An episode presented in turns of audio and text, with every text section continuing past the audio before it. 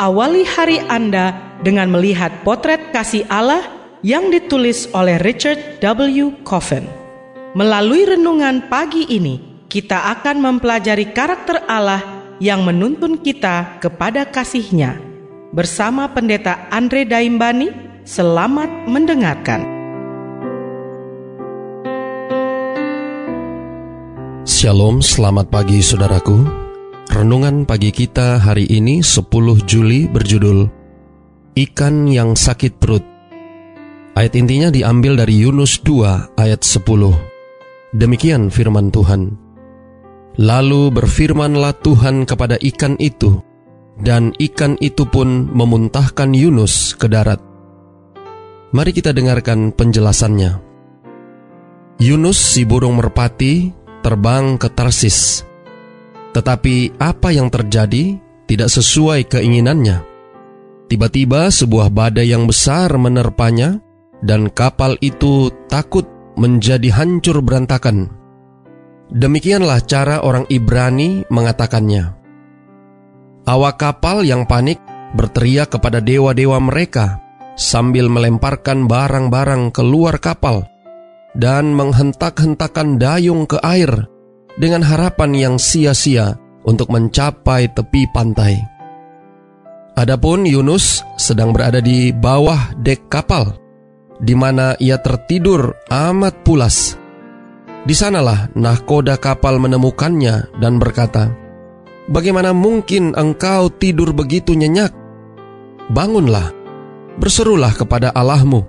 Barangkali Allah itu akan mengindahkan kita, sehingga kita tidak binasa dicatat dalam Yunus 1 ayat 6. Para pelaut memutuskan untuk membuang undi dan undian menunjuk pada Yunus.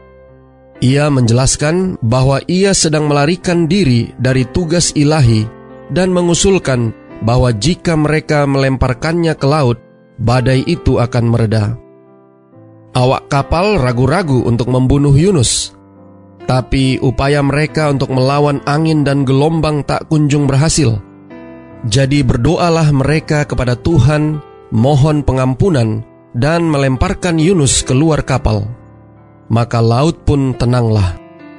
Mereka mempersembahkan korban kepada Tuhan dan mengucapkan sumpah.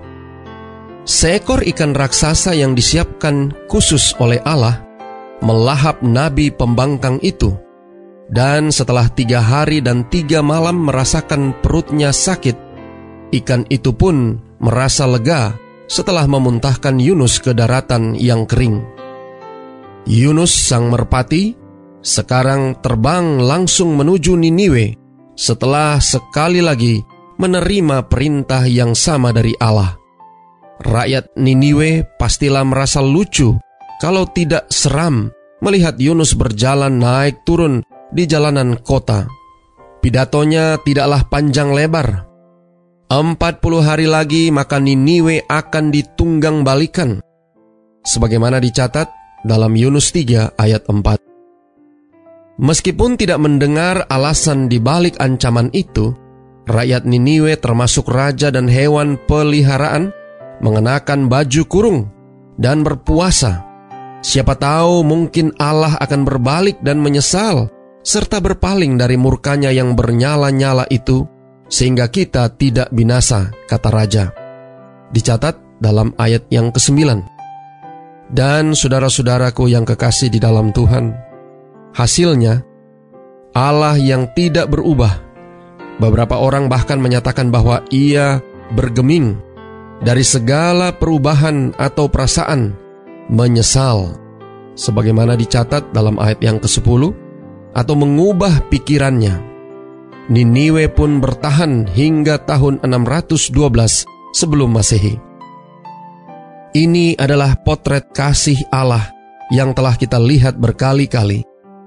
Ia meramalkan malapetaka, tetapi dengan harapan bahwa situasinya akan berubah. Doa kita hari ini. Bapa terima kasih. Melalui renungan pagi ini, kami boleh belajar tentang kasih Allah yang begitu besar. Terima kasih melalui pengalaman Yunus, kami boleh dapat melihat bahwa Allah begitu kasih adanya sekalipun memberitakan penghukuman. Tetapi bila mana bangsa Niniwe bertobat, maka Allah tetap mengasihi bangsa Niniwe. Tolong kami hari ini Bapa, biarlah dengan belajar dari pengalaman bangsa Niniwe, bertobat sebelum menerima hukuman, kami pun juga boleh menerima kasih karunia Tuhan. Terima kasih Bapa. Inilah doa dan permohonan kami kepadamu. Semoga Tuhan senantiasa memberkati kita sekalian sepanjang hari ini saat kita melakukan aktivitas kita masing-masing.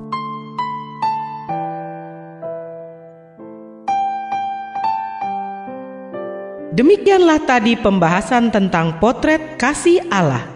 Semoga firman Tuhan hari ini dapat menjadi berkat bagi Anda. Sampai jumpa, Tuhan memberkati.